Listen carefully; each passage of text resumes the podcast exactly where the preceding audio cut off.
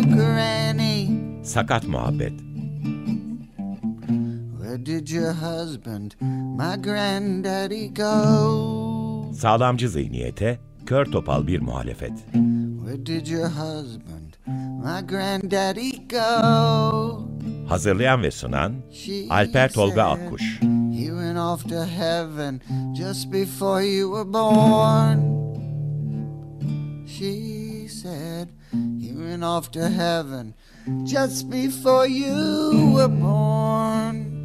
And she said, You are the light of my life and the beat of my heart. She said, You are the light of my life and the beat of my heart. She said, You are the light of my life and the beat of my heart. She said, You are the light of my life and the beat of my heart. Merhaba, Açık Radyo'ya, Sakat Muhabbet'e, Sağlamcı Zihniyet'in kör topal muhalifine hoş geldiniz. Ben Alper Tolga Akkuş. Bugün 29 Kasım 2023 Çarşamba. Bu hafta programı destekleyen Doğan Özden'e çok teşekkür ederek başlamak istiyorum ama bir detay var. İki bölümdür söylüyorum ben. Bizim bu yayın döneminde gün ve saatimiz değişti. Ben eski gün ve saate destek veren kişileri de bu yıl sonuna kadar en azından söylemek istiyorum. Bu bağlamda Saadet Tekin'e de teşekkür ediyorum. Bu hafta açık radyo dinleyicilerinin yakından tanıdığına emin olduğum bir konuğum var. Yol geçen dersem tabii herkes hatırlayacaktır. Yol geçen çok uzun dönem yayın hayatının sürdürdüğü Açık Radyo'da. Sonra bir ara verdi. Bu yayın döneminde İşler ve Günler adıyla yeniden döndü. Rahmi Ödül bu hafta konuğumuz. Açık Radyo'ya hoş geldin demeyeceğim Rahmi'ye. Çünkü zaten o eskiden beri Açık Radyo bilen bir kişi. Ama Sakat Muhammed hoş geldin Rahmi. Nasılsın? iyi misin? Çok teşekkürler Alper. Üstelik benim için de çok anlamlı bir gün. Seninle yıllardan sonra tekrar bu program vesilesiyle bir araya geldik. O yüzden de çok ben de keyifliyim. Şimdi Rahmi böyle başlıyorum programda konuklarıma. Ne yaparsın, kimsin diye soruyorum. Sakat Muhammed'i ilk kez dinleyenler için de Rahmi Öğdül kimdir? Bir tanıtalım isterim. İnsan nasıl anlatabilir kendini? Çünkü kimlik denilen bir şeyi biz her ne kadar kendi çabalarımızda icat etsek de genellikle burada bizim de çoğunlukla e, kontrol edemediğimiz dış kuvvetler de bize belli kimlikler yüklüyor. Ben o yüzden kimlikler üzerinden değil de neler yapıyorum, bir kimlik tanımlaması üzerinden değil de kendimi neler yapıyorum onu anlatayım. Yani uzun yıllardır ders veriyorum. Lisans ve lisansüstü derslerim var. Bu dersler genellikle genellikle değil tamamen beden ve mekan üzerine, beden ve mekan ilişkisi üzerine ve doğa temsilleri üzerine de duruyorum özellikle. Çünkü doğa ve bedenin aslında paylaştığı çok ortak bir özellikler vardı. Daha doğrusu ortak bir mesele aslında beden ve doğayı düşünmek ve birlikte düşünmek gerekiyor.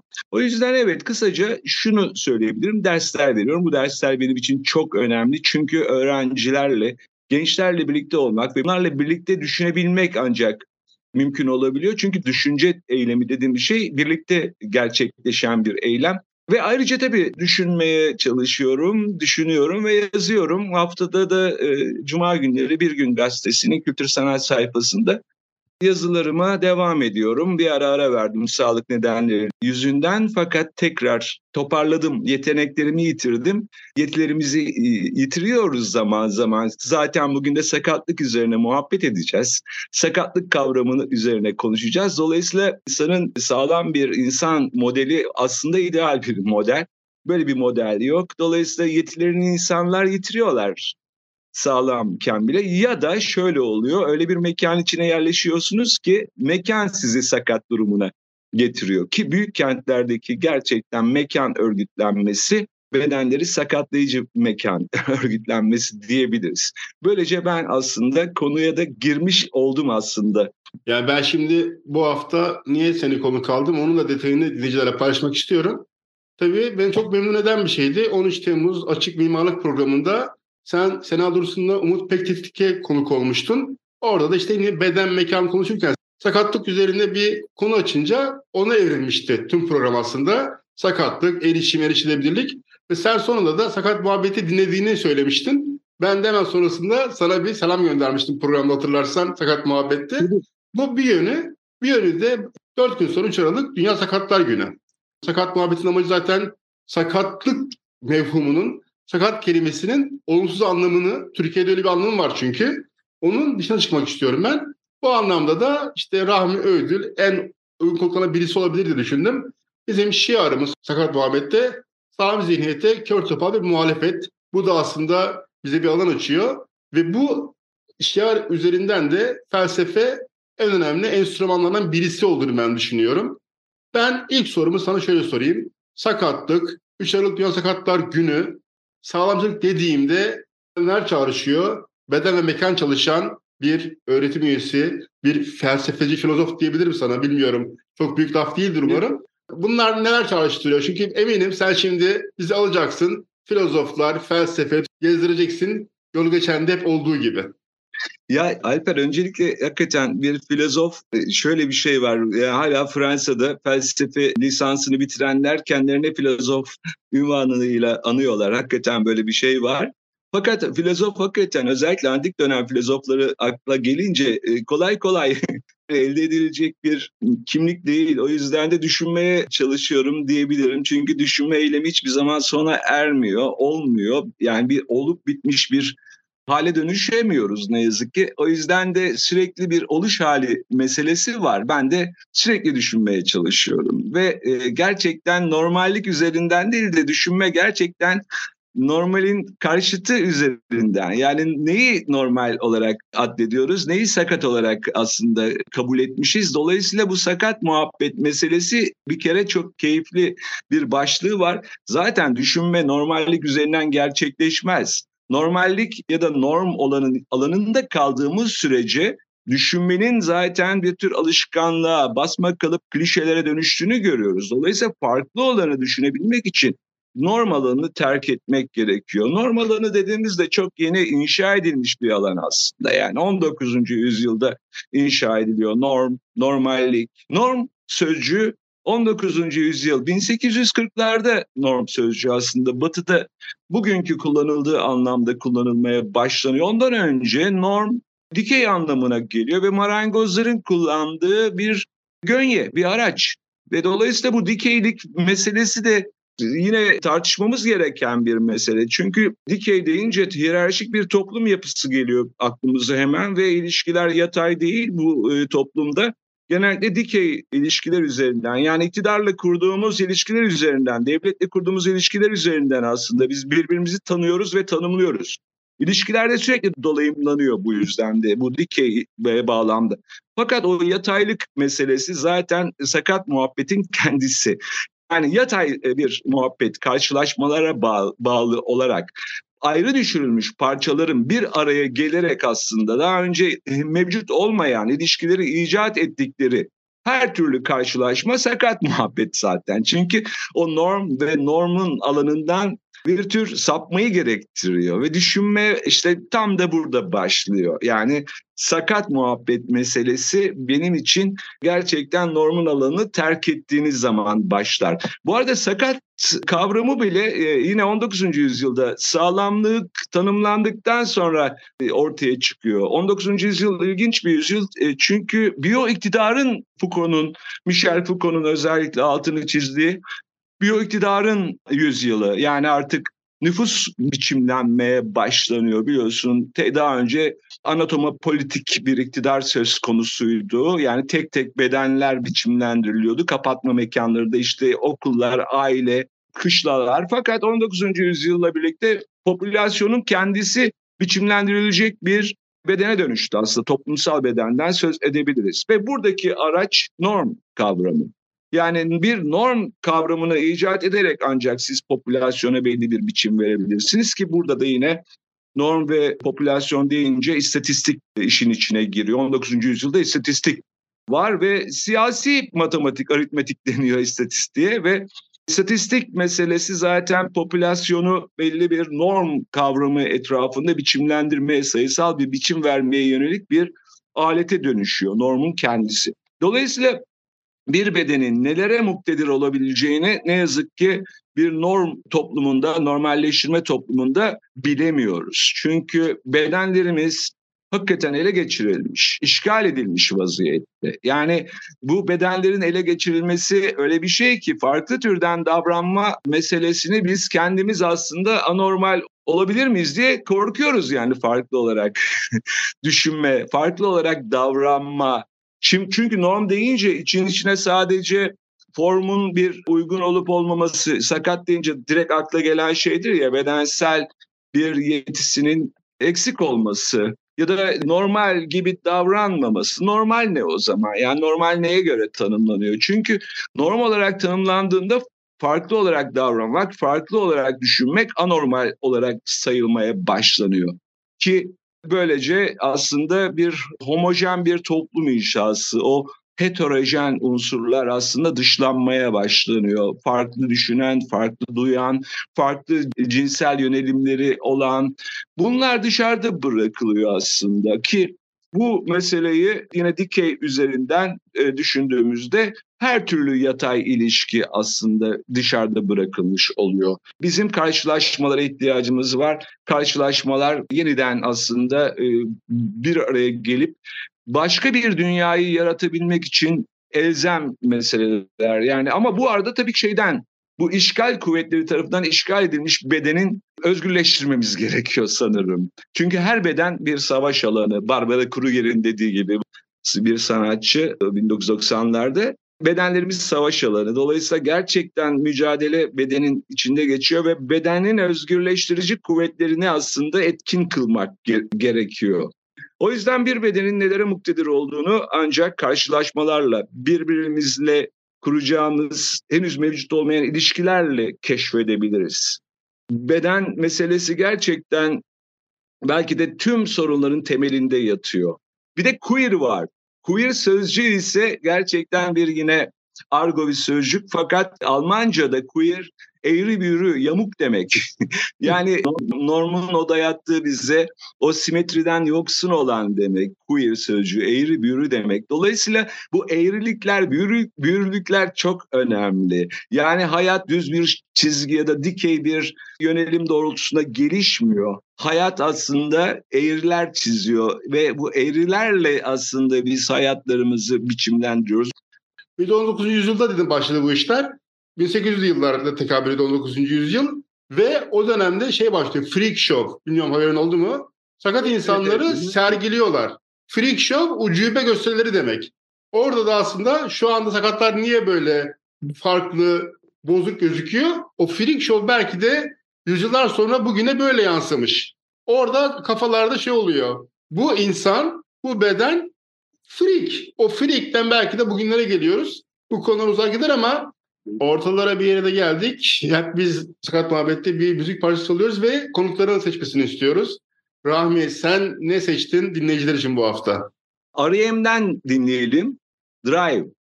Sakat Muhabbet devam ediyor. Bu hafta Açık Radyo'da uzun zamandır o geçen programı sunan ve daha sonra bir ara verip şimdi bu yayın döneminde de işler ve günleri sunan Rahmi Öydül'ü konuk ediyoruz. Rahmi ben programın ismini Yolga Çan'a ilham alarak sakat geçen diye düşündüm kafamda. Öyle bir tabir aslında Türkçe'de yok ama belki bizim katkımız olur buna. Bir de sen beden ve mekan dedin ya ben çalışıyorum. Tam da ona uyuyor aslında. Beden sakat, mekan geçen. Sakat geçen böyle bir paralellik şimdi seninle konuşurken kurdum. Sakat muhabbet adını da sen dedin çok güzel olmuş diye de ben başlamadan önce herkes şunu diyordu. Ya Alper tamam yap da sakat muhabbet olmasa mı acaba diyordu. Bunu diyenler çoğu da sakat olmayan insanlardı. Sakatların da çoğu alay gibi anlıyordu bunu. Ben diyordum ya amacım zaten sakatlık kelimesinin anlamını değiştirmek. Bu yorumlar da aslında beni mutlandırdı. Dedim ki demek ki böyle bir dert var. Bunu ben yapayım. Bunun üzerine sakat muhabbete karar verdim ve işte 28. program olacak seninle beraber. Bir yıldan fazla oldu başlayalı. Şimdi o zaman sorumu sana sorayım. Yolu geçen ve işler o günlerin tanıtım metinlerinden geçen o tümceleri alarak sana bu soruyu soracağım. Yeryüzü ile gökyüzü, yaşam ile kuram arasında mekik dokuyan, hayati ve kitabi patikalarda sohbetler eden bir programcı olarak sen sakat geçen ismi üzerinden ve tüm bu konular üzerinden neler söyleyebilirsin? Sakat geçen kavramı hakikaten güzel. Yani bir icat, kavramlar icat edilir. Zaten felsefeciler kavram icat edenlerdir. Her felsefecinin kendini markasını taşıyan bir kavram vardır. Cogito, e, Descartes'in hani kavramıdır. İşte Leibniz'in e, kavramları vardır. Onlar o icat etmiştir. Bence güzel, sakat geçen bir kavram olarak da çok keyifli. Çünkü muhabbetin kendisi bir kere gerçek bir muhabbetin hakikaten bir sakatlanma ile birlikte gerçekleşebileceğini ben düşünüyorum. Aksi takdirde e, normalliğin şemsiyesi altında yani çan eğrisinin şemsiyesi altında bizler aslında basma kalıp klişeler üzerinden konuşuyoruz ve hiçbir şey söylemiyoruz birbirimize. Asıl söylenecek şeyler farklı olan, farklı olanın ortaya çıkacağı alan zaten o normalin sakatlanmasıyla gerçekleşecek bir durum. Dolayısıyla sakatlanmadan zaten muhabbetin mümkün olamayacağını düşünüyorum. Yani çünkü sakatı yine tırnak içinde kullanıyorum. Sakat normalin dışarıda bıraktığı her türlü davranış benim için sakat kavramı altına giriyor ki işte bu alan gerçekten düşünme bir dışarısı olarak düşünmek için elzem, muhabbet için elzem bir alan zaten. O farklı olanların birbiriyle karşılaşmasıyla birlikte ortaya çıkabilecek o yeni olanı üretmek o kadar keyifli ki. Yoksa biz hep birbirine benzer olanlar hep aynının dönüp durduğu muhabbetler gerçekleştiriyoruz. Buna muhabbet denmez. Bu başka bir şey. Yani bu aslında alışkanlıkla yapılan ve alışkanlıkların dışına çıkmak istemeyen bireylerin normalin içinde kalarak bir anlamda da muteber vatandaşlar olmak için ürettikleri muhabbetler. Yani şöyle bir şey var. Korkuyor insanlar aslında normalin dışına çıkıp yine tırnak içinde o sakat duruma düşmekten yani bir sapkın durumuna düşmekten. Fakat çizgiden sapmayınca aslında farklı olanla karşılaşmak da mümkün olmuyor. O çizgi, düz çizgi, dikeylik aslında bizi bayağı bir budadı. Yani ve o farklılıklarımızı yok etti. Ama farklılıklarımız hep var, bastırılıyor. Bastırılan farklılığın aslında açığa çıkacağı bir ortam yaratmak aslında sakat geçenlerin karşılaşacağı ortam. O çok önemli. Yani muhabbet sakattan geçer diyebiliriz. Hep algı ya normal, norm daha kalabalıktır. Diğeri queer, sakat daha azdır. Şimdi seninle konuşurken tam tersi aslında. Çünkü queer ve sakat çeşitlilik ihtiva eden demek. Biz daha kalabalığız, biz daha geniş bir kesimiz. Norm daha dar bir kesim. Bunu da aslında düşündüm ben seninle konuşurken. Kesinlikle haklısın çünkü herkes normali oynamak zorunda. Normali oynuyor. Herkes bir kere farklılıklardan oluşmuş bir yığın. İçinde kıvrımlarında henüz açığa çıkmamış bir sürü farklılık taşıyoruz. Yani virtüel alan aslında bu alan filozofların sözünü ettiği gizil kuvvetlerimiz var ve bastırılıyor aslında bu farklı olan şeyler. Ve farkın açığa çıkmasından en çok kim korkuyor? Aslında iktidarlar korkuyor. Fark açığa çıktığında hiçbir şey eskisi gibi olmayacak.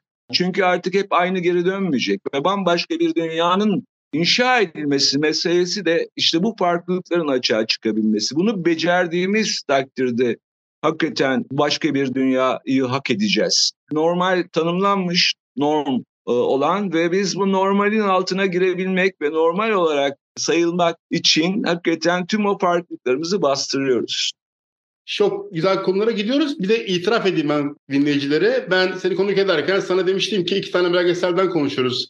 Rahmi demiştim. Sen de ona göre hazırlandın. Ama işte sakat geçen deyince konular aldı bizi götürdü ama o iki belgesele de şurada hemen bir yer verelim. Şimdi dediğim gibi 3 Aralık Dünya Sakatlar Günü. Ben de Mersin'de yaşıyorum. Kültürhane Mersin'de de her pazartesi film gösteriyoruz biz. 4 Aralık günü de ben sakatlık üzerine bu iki belgeseli göstereceğim aslında. O iki belgeselde Judith Butler'la Sonora Taylor'ın Examined Life, sorgulanmış yaşam belgeseli. Bu belgesel aslında daha geniş ama ikisinin 15 Aralık bölümünü ben konuşacağım. O da aslında Platon'un sorgulanmamış yaşam, boşa gitmiş yaşamdır dan ilhamla bu isim verilmiş belgesele. Sonora Taylor Hı. sakat feminist, LGBT bir aktivist. Judith Taylor da feminist, LGBT bir aktivist. İkisi geziyorlar böyle sandalyeli kullanıyor Sonora Taylor. Sohbet ediyorlar. Ve e, Amerika'da görece rahat bir yaşam sürüyor aslında Sonya Taylor. Diğer belgesel The Fight, Mücadele, Bolivya'da 2017 yılında sakatların bir hak mücadelesi ve çok ağır koşulları aslında gösteren bir mücadele o. Bu iki belgeseli bilmiyorum sen de izledin mi? Son sorum da bu olmuş olsun sana. Onu konuşalım istersen. İzledim tabii. Özellikle teşekkür ederim. Ben bu belgesellerle beni de tanıştırdın. İzledim ve iki belgeselde hakikaten üzerinde düşünmeyi gerektiren belgeseller sakat aktivistinin yaptığı söyleşte aslında yürümeyle başlıyor. Yani kent içinde yürümeyle başlıyor ve Butler ona soruyor bu tekerlekli sandalyesi olan birisi yürüme sözcüğünü mü kullanıyorsun kentte dolaşırken? O da diyor ki ben de yürüyorum diyor. Aslında evet burada bir tekerlekler ve ayaklar arasındaki nasıl yer değiştirilebileceğini de bize gösteriyor.